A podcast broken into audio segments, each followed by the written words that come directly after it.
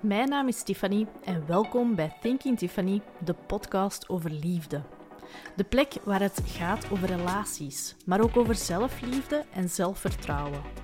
Waar ik samen met jou helemaal induik om de liefde te aanbidden en geen enkel onderwerp uit de weg zal gaan.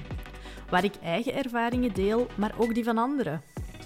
Om je inzichten mee te geven, zodat je zelf ook de motivatie kan vinden om ermee aan de slag te gaan en te vinden wat er voor jou werkt zodat jij eindelijk die liefde kan vinden die je altijd al verdiende, voor jezelf en voor anderen.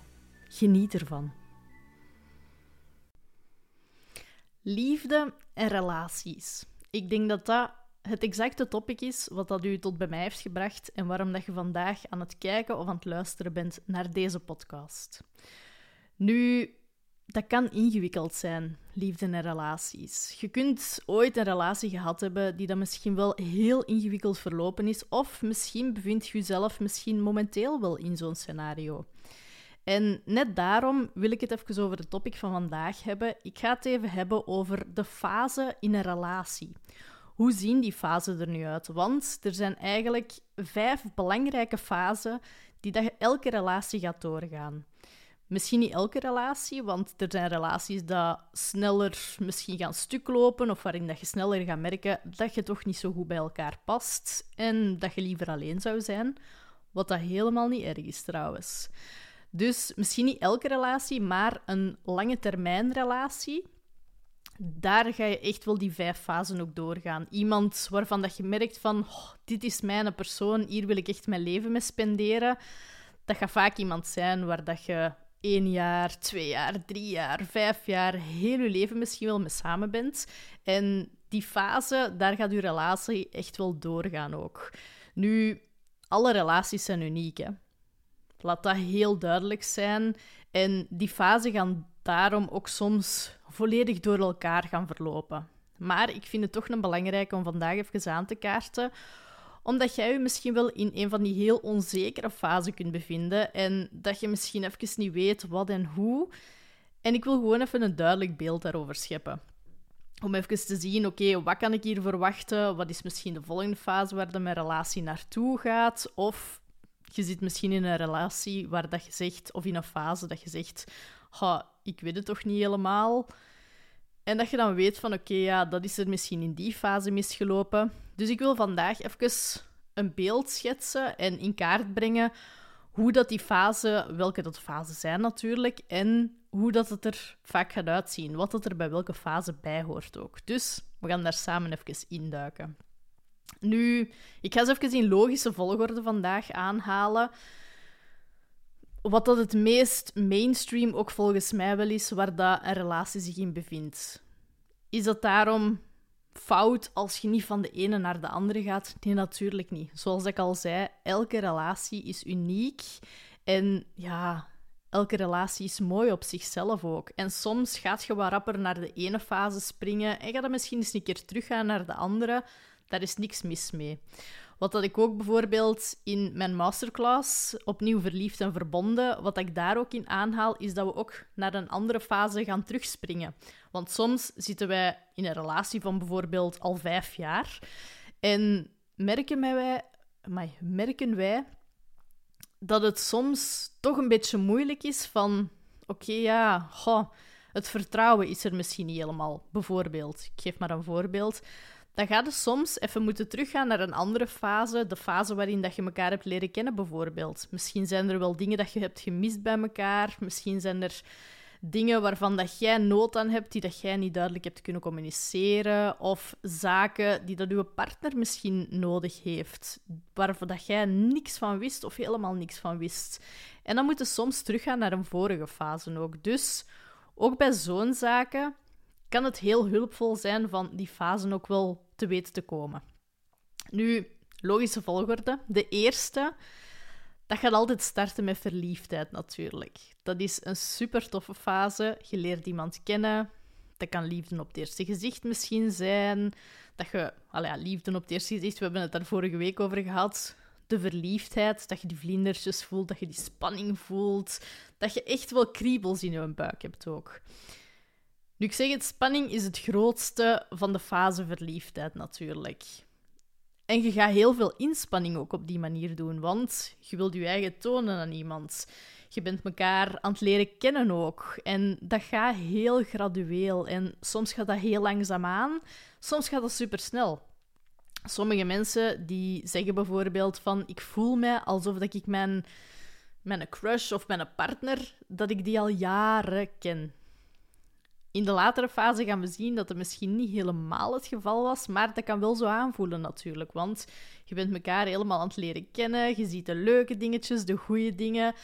En je bent naar elkaar aan het toegroeien ook. Want je gaat hoogstwaarschijnlijk in die verliefde fase heel veel tijd doorbrengen met elkaar.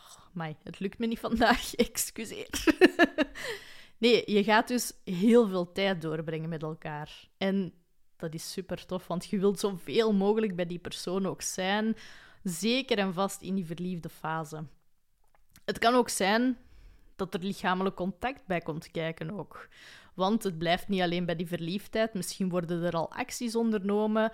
En we kennen dat allemaal. Als we verliefd zijn op iemand, dan willen we die zo dicht mogelijk bij ons misschien. En dan is het super spannend als je zo eens een keer ja, een knuffel kunt geven of misschien al kunt zoenen. Ik weet in mijn verliefde fase bijvoorbeeld, met mijn, uh, met mijn partner van mijn huidige relatie, dat was super, super tof. Want ik voelde die kriebeltjes heel hard, die vlindertjes, die waren er aan het op losfladderen.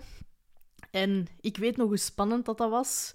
Wij gingen dan zo samen een keer iets drinken of zo. Of wij gingen een keer op een bankje ergens zitten en we waren aan het babbelen. En als die dan zoiets op zijn gsm moest tonen, en ik kon in die zijn armen gaan zien, zodat hij dat, al ja, in zijn armen gaan zitten en dat hij mij dat dan liet zien op zijn gsm. Oeh, ik werd zat. Super tof natuurlijk, hè? die verliefde fase. Heel fijn. Maar er kan ook meer lichamelijk contact bij komen kijken natuurlijk. Hè? Het kan misschien zijn dat je ook al seks hebt gehad samen. Waar dat het om draait is dat het heel veel opwinding en heel veel spanning eigenlijk gaat zijn tussen jullie.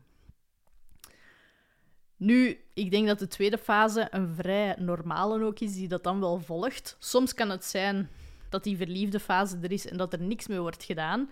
Maar de heel natuurlijke fase waar dat je in verder gaat, dat is dat je een koppel gaat worden.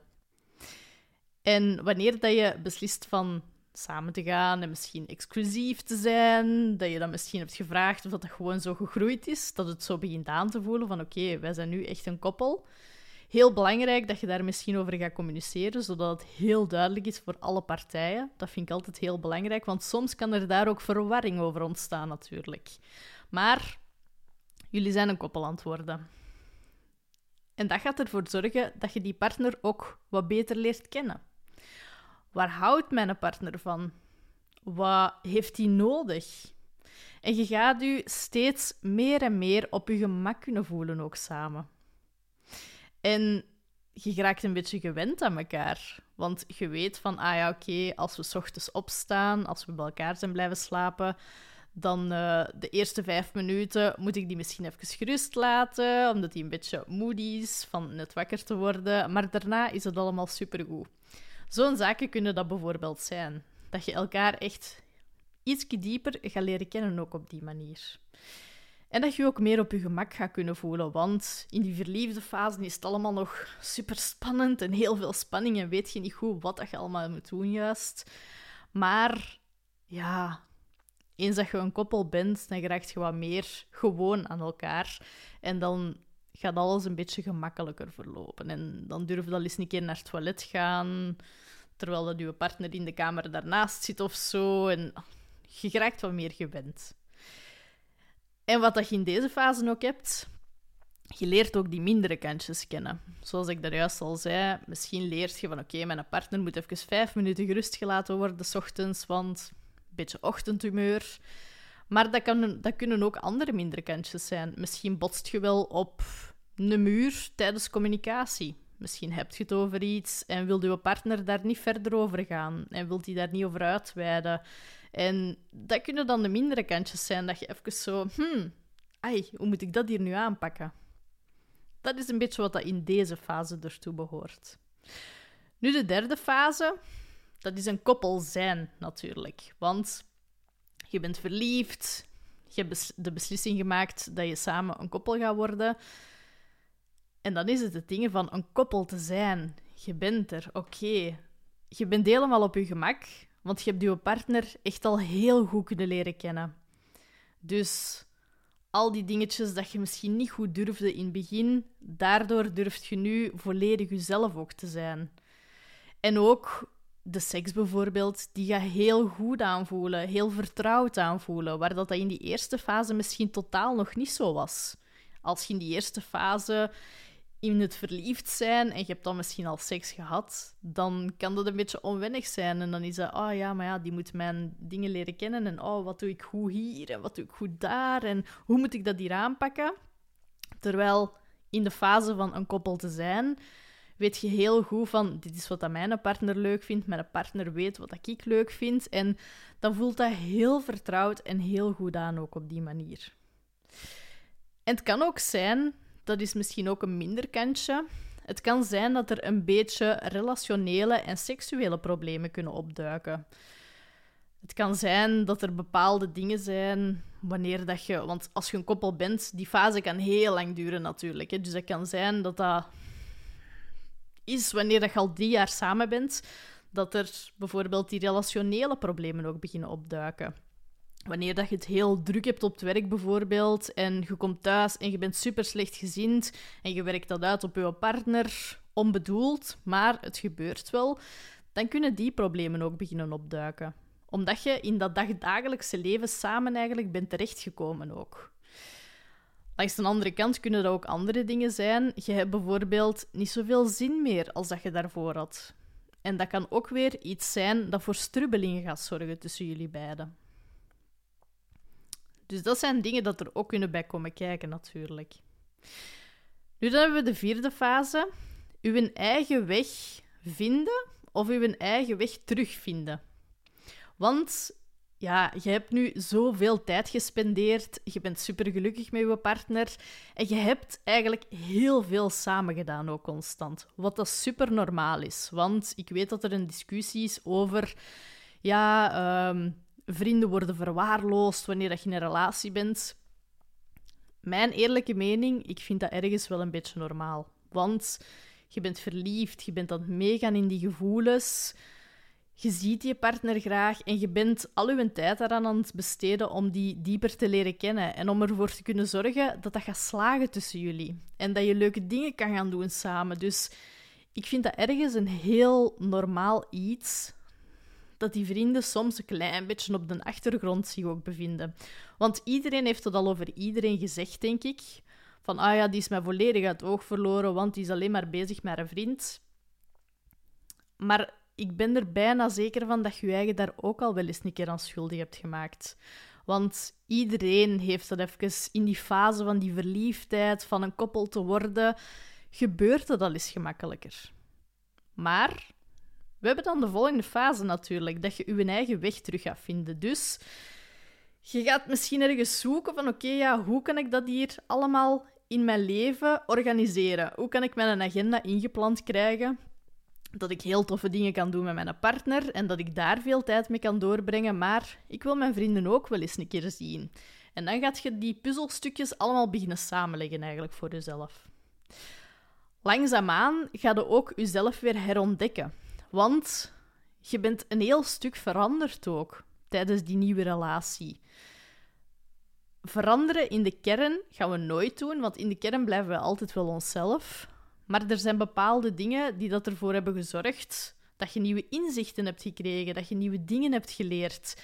En langzamerhand gaat je je nieuwe ik ook herontdekken op die manier. En gaat je wat meer met jezelf bezig zijn. Je gaat misschien een nieuwe hobby oppikken of misschien een oude hobby terug oppikken. Iets dat je misschien even op de achtergrond had laten schuiven, maar dat je zegt van, ja, ik wil dat terug gaan doen. Ik wil terug gaan dansen. Ik wil terug gaan voetballen. En dat je daar keihard voor gaat. Dus ja, dat je dat doet en dat je afspreekt met die vrienden ook. Want je gaat terug iets meer tijd maken voor wat dat jij leuk vindt, los van je partner. Want dat is een fase dat je, ja, dat het dagelijks leven een plaats heeft gekregen in die relatie, maar ook de dingen daarnaast. Dat je je vrije tijd, dat je daar ook een keer iets anders in kunt doen. Buiten altijd bij je partner te zijn, kun je ook zaken doen die dat je zelf leuk vindt. Wat dat heel belangrijk is, want we moeten los van elkaar ook dingen kunnen doen, want we zijn niet onze relatie. We zijn elk ons eigen individu ook nog. En we moeten de dingen blijven doen dat we allebei op onszelf leuk vinden ook. Want het kan zijn dat wij iets leuk vinden, maar dat onze partner dat eigenlijk niet zo tof vindt om te doen. En we moeten daar een partner ook niet meesleuren, naar mijn opinie. Ik vind niet dat we die mens moeten meesleuren als, als ik bijvoorbeeld... Ik ga over mijn eigen situatie praten. Ik dans heel graag. Dat is mijn hobby. Ik vind dat super tof. Maar ik ga mijn partner niet altijd meesleuren naar die dansles of koppeldansen willen gaan doen. Dat vind ik sowieso al niet zo tof eigenlijk. Maar ik ga die daar niet mee naartoe sleuren, omdat ik weet dat mijn partner daar niet zoveel aan vindt. Die vindt dat plezant van eens één keer op een jaar naar mijn dansoptreden te kunnen komen kijken. En dan is hij ook altijd heel trots, ook altijd tof om te zien. Maar ik ga die niet pushen van helemaal mee te gaan in mijn hobby. Of wanneer ik iets op tv wil zien, wat hij niet graag ziet bijvoorbeeld, ik ga die niet dwingen van samen met mij te kijken. En ik ga mijn momenten zoeken wanneer dat ik dat wel kan zien dan bijvoorbeeld. Zo'n kleine dingen. Dat gaat er eigenlijk voor zorgen dat je je nieuwe ik en dat je gewoon jezelf, dat je die terugvindt. En dat dat een plaats krijgt binnen die relatie ook. En dan vijf, de vijfde fase. Daarin gaat je samenwerken en u leren aanpassen eigenlijk binnen die relatie. Want je ontdekt hoe dat je een koppel kunt zijn en toch jezelf kunt blijven in die relatie. Dat je eigen aan jezelf kunt blijven, maar dat je dat met alle respect naar je relatie toe ook kunt doen. Want ik zeg het, in die verliefde fase gaan we daar een beetje voorbij natuurlijk. We verliezen onszelf een beetje uit het oog ook soms als we een koppel gaan worden, omdat onze partner op die eerste plaats komt. Ik vind dat ook iets vrij normaal. Oké, je moet je eigen niet helemaal gaan wegcijferen of zo, maar ik vind dat iets vrij logisch. Als je verliefd bent op iemand, je zet die op een podiumke voor u eigenlijk. En je wilt daar alles voor doen. Je wilt die gelukkig maken. Je wilt die gelukkig zien. En je wilt die geven wat dat die nodig hebben ook. Maar in, in de vijfde fase gaan we ook een beetje zoeken hoe dat we zelf daar weer binnenpassen natuurlijk. Wat dat ook heel belangrijk is natuurlijk. Hè. We gaan even zien van oké, wat kunnen we hier aanpassen zodat dat voor ons beiden gaat kunnen werken ook. Je vertrouwt elkaar ook ten diepste in deze fase. En ik denk dat het daar is waar dat het voor veel mensen misgaat. Want dat vertrouwen, dat moet ergens groeien. Ik denk dat dat vrij logisch is, zeker wanneer dat je al andere relaties hebt gehad hiervoor en dat je misschien al teleurgesteld bent geweest in de liefde of teleurgesteld door mensen. Misschien heeft er ooit bedrog in je leven plaatsgevonden of dergelijke. Misschien ben jij gewoon keihard gekwetst geweest door iemand dan is het soms moeilijk om iemand 100% en blindelings te kunnen vertrouwen. En laat mij u zeggen dat dat heel normaal is.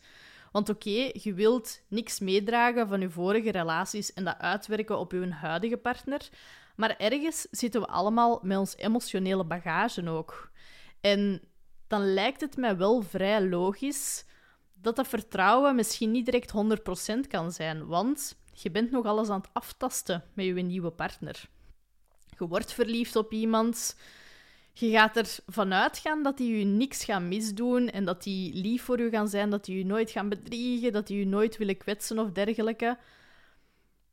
Maar ja, je kunt dat nog niet verzekeren voor jezelf. Het is pas wanneer dat je iemand echt tot in de diepte kunt leren kennen en dat je echt al hebben kunnen bewijzen op een of andere manier dat die niks gaan misdoen en dat je die echt wel kunt vertrouwen. Dus het is pas in deze fase dat er echt dat 100% vertrouwen kan zijn, ook naar mijn mening. En als het ergens is misgelopen, dan moet je altijd teruggaan naar die fase waar dat het is misgelopen, volgens mij. Dat vind ik een hele belangrijke om vandaag toch ook wel mee te geven. We gaan ook elkaars verschillen gaan accepteren. En we gaan geen angst voor afwijzing niet meer hebben van onze partner. Ik denk dat dat een hele mooie is in deze fase. Omdat je echt ja, je bent aan het samenwerken en je bent je eigen aan het aanpassen, een heel gedeelte. Dus dat zorgt ervoor dat je ook elkaars mindere kantjes gaat kunnen accepteren. En dat je het niet altijd eens gaat kunnen zijn over iets. En dat het niet erg is van daar soms over in discussie te gaan. Want uw partner heeft zijn mening en jij hebt een andere mening. Je moet daar toch over kunnen babbelen, denk ik. En wie weet, door die conversatie te voeren samen, ja, wie weet, schroefde jij je mening wel bij, of uw partner, of komen er nieuwe inzichten waar je zelf misschien nog niet had bij stilgestaan. Maar dat vind ik net zo mooi. En je moet daarover in discussie durven gaan, want dit is de fase dat je geen schrik niet meer gaat hebben om afgewezen te worden door je partner. Het is niet omdat jij een andere mening hebt dat je partner ineens gaat zeggen van ah, daar is de deur, het is hier gedaan, het is genoeg geweest voor mij. Dat heb je niet meer. En voor mensen met verlatingsangst, ik heb het zelf ook. Ik voel met jullie mee, want ik heb er nog altijd last van. Het is iets waar je niet zomaar direct van afgeraakt, natuurlijk. Maar in deze fase gaat al meer zekerheid hebben op dat vlak. Dan gaat al iets zekerder zijn van, ah ja, oké, ik heb in het verleden misschien al gemerkt dat we over zoiets gediscussieerd hebben of een conversatie, gewoon een gesprek daarover hebben gehad. En ik voel me nu veilig genoeg om dat te kunnen uiten. En ik ga geen schrik hebben dat ik afgewezen ga worden. Ik weet dat mijn mening telt voor mijn partner en dat ik mijn mening mag meegeven. En dat is zoiets moois. En dat is ook exact hetgene wat dat uw verlatingsangst gaat minderen en zelfs kan genezen ook volgens mij. Ik zeg het, ik heb er zelf ook nog last van, omdat dat bij mij een heel diep gewortelde angst is geweest. Ik ben heel hard afgewezen door mijn vader vroeger op verschillende manieren. Um, die heeft er zelf voor besloten vanuit mijn leven te gaan. Ik heb daar zelf ook destijds terug voor gekozen van die uit mijn leven te laten. Maar dat is iets diep geworteld van als ik een jaar of vier, vijf was, eerlijk gezegd. En dat is niet simpel. Zeker omdat dat gedrag zich later ook nog terug heeft herhaald. In mijn ex-relatie is ook weer die afwijzing gebeurd. En dat was niet één keer, maar dat was misschien vijf keer of zo. Want op een duur was dat voor de mensen die mij op Instagram volgen, die zijn in het verhaal aan het meegeraken. In 2014 heeft dat echt een heel spelletje geweest op een gegeven moment van keer op keer op keer opnieuw afgewezen te worden. En dat heeft een impact gehad ook natuurlijk, want dat bracht al mijn innerlijke kindproblemen weer naar boven. En ik heb er echt al heel lang over gedaan om dat te verwerken. En om dat een plekje te geven. Om, ja, bij mijn eigen te weten van mijn huidige partner gaat dat niet doen. Want dat is een compleet andere situatie. Die heeft veel meer respect voor mij. Ik kan die 100% vertrouwen. En die luistert oprecht naar mij en die weet dat ik daarmee zit ook. Dus dat is iets helemaal anders. Kunt je ooit verlaten worden? Dat kan altijd. Hè. Er kan altijd van alles gebeuren natuurlijk. Maar ik heb niet meer die diep gewortelde angst van toen. Zeker omdat wij in deze fase ook zitten. Wat dat mij super gelukkig stemt, want wij hebben hier echt leren samenwerken. En net, ja, als we dan over het topic van uh, die verlatingsangst bezig blijven, net daarover ook, we hebben daar al heel veel over gebabbeld die weten, die zien dat op sommige momenten en die gaan mij altijd en allen tijden geruststellen wat dat ik nodig heb op zo'n momenten. En het is alleen maar door daarover te babbelen samen dat je daar samen kunt uitgeraken en dat iemand u ook kan helpen in uw genezingsproces op die manier. Dus dat is super mooi. Maar dus geen angst meer voor afwijzing van uw partner. Dat vind ik een hele mooie. En dat je echt jezelf volledig kunt blootgeven zonder schrik te hebben dat hij tegen u keert gaat ingaan, of u gaat afwijzen, of u gaat verlaten of zo. En je gaat u ook, ja, je gaat de relatie misschien een stukje ook aanpassen, of uzelf misschien een stukje aanpassen ter functie van uw relatie, in plaats van dat je de relatie in vraag gaat stellen. Dat is ook een hele belangrijke, want langs de ene kant heb je geen angst meer voor die afwijzing van uw partner, maar langs de andere kant gaat je ook zelf uw partner niet afwijzen. Waar dat, in voorgaande fases misschien wel nog zo kan zijn. Want je bent elkaar nog heel hard aan het leren kennen op die momenten. En je bent elkaar beter en beter aan het leren kennen. En dan kun je soms eens een keer op iets gaan stoten dat je zegt van... Oeh, deze is misschien wel een dealbreaker voor mij. Hier kan ik misschien heel moeilijk mee omgaan. En dan ga je je relatie ook in vraag stellen. En dat is tijdens die eerdere fases dat dat wel eens een keer zou kunnen opduiken, zoiets. En in plaats van in communicatie te gaan, gaan we misschien heel vaak in ons eigen kopje beginnen overdenken. En gaan we ineens alles in vraag stellen wat dat met die relatie te maken heeft. In deze fase gaan we dat niet doen. Want in deze fase gaan we leren dat we daarover kunnen babbelen. Als we een probleem zien, als we met een probleem zitten, als er een probleem opduikt, als er iets ja, te bespreken valt misschien, dan gaat je dat ook echt durven bespreken. Je gaat daarover in communicatie met je partner gaan. En je gaat zien, oké, moet ik mij misschien ergens aanpassen? Kan mijn partner zich misschien ergens aanpassen? En dat is eigenlijk het ding van de compromissen dan naar boven gaan komen. Want soms, wat dat voor de ene werkt, werkt voor de andere misschien minder goed of misschien helemaal niet. En dan gaan we zien, oké, ja, hoe kunnen we dat hier aanpakken dat dat voor ons beiden heel goed kan werken? En we gaan altijd dat doen in plaats van die relatie in vraag te stellen en die relatie daar komaf mee te maken. We gaan samenwerken en we gaan samen kijken wat dat er aan gedaan kan worden. En dat is de laatste fase eigenlijk, wat dat je in een relatie ook kunt hebben. En ik zie het heel vaak bij koppels. Vanaf dat die laatste fase, dat is een heel cruciale fase voor je relatie natuurlijk. Vanaf dat dat ja, afgerond kun je dat niet noemen, want dat is a work in progress. dat is je hele leven lang, denk ik. Maar dat is het meest cruciale dat je die dingen wel kunt ondernemen als koppel. En als je dat kunt samen, ja, dan kan uw relatie een leven lang beschreven zijn, volgens mij. Dan kun je het dingen eigenlijk bekomen wat dat je in de sprookjes hoort. En ze leefden nog lang en gelukkig. En het is ook jammer genoeg een fase dat we niet zo gemakkelijk niet meer tegenkomen. De dag van vandaag, in deze tijden, waar dat daten zo vloe en zo vaag en zo moeilijk soms is geworden, is die laatste fase iets wat dat mensen soms niet meer kunnen opbrengen, heb ik de indruk. En dat vind ik jammer om te zien. Want als je iemand graag ziet en als je zeker bent van je gevoelens en je bent zeker dat je partner u ook graag ziet, dan is er altijd iets wat dat u recht houdt om te kunnen blijven doorvechten en om niet op te geven. Ik heb het dan niet over zo de mega, mega red flags. Ja, daar, uh, je mocht je eigen ook niet ontkennen en je moet je eigen kunnen blijven. En je mocht sommige dingen echt niet door de vingers zien. Maar ik zie het ook wel gebeuren dat sommige koppels in moeilijkheden komen en dat ze daar een cruciaal verkeerde beslissing in durven maken dan. Dat hun relatie helemaal kan verwoesten. In plaats van, want dat gaat heel vaak over kleine problemen, in plaats van dat kleine probleem dan samen aan te pakken en die fase op je gemakske te kunnen doorlopen. Maar het is niet altijd even gemakkelijk. En daarom wil ik misschien ook nog heel graag aankaarten.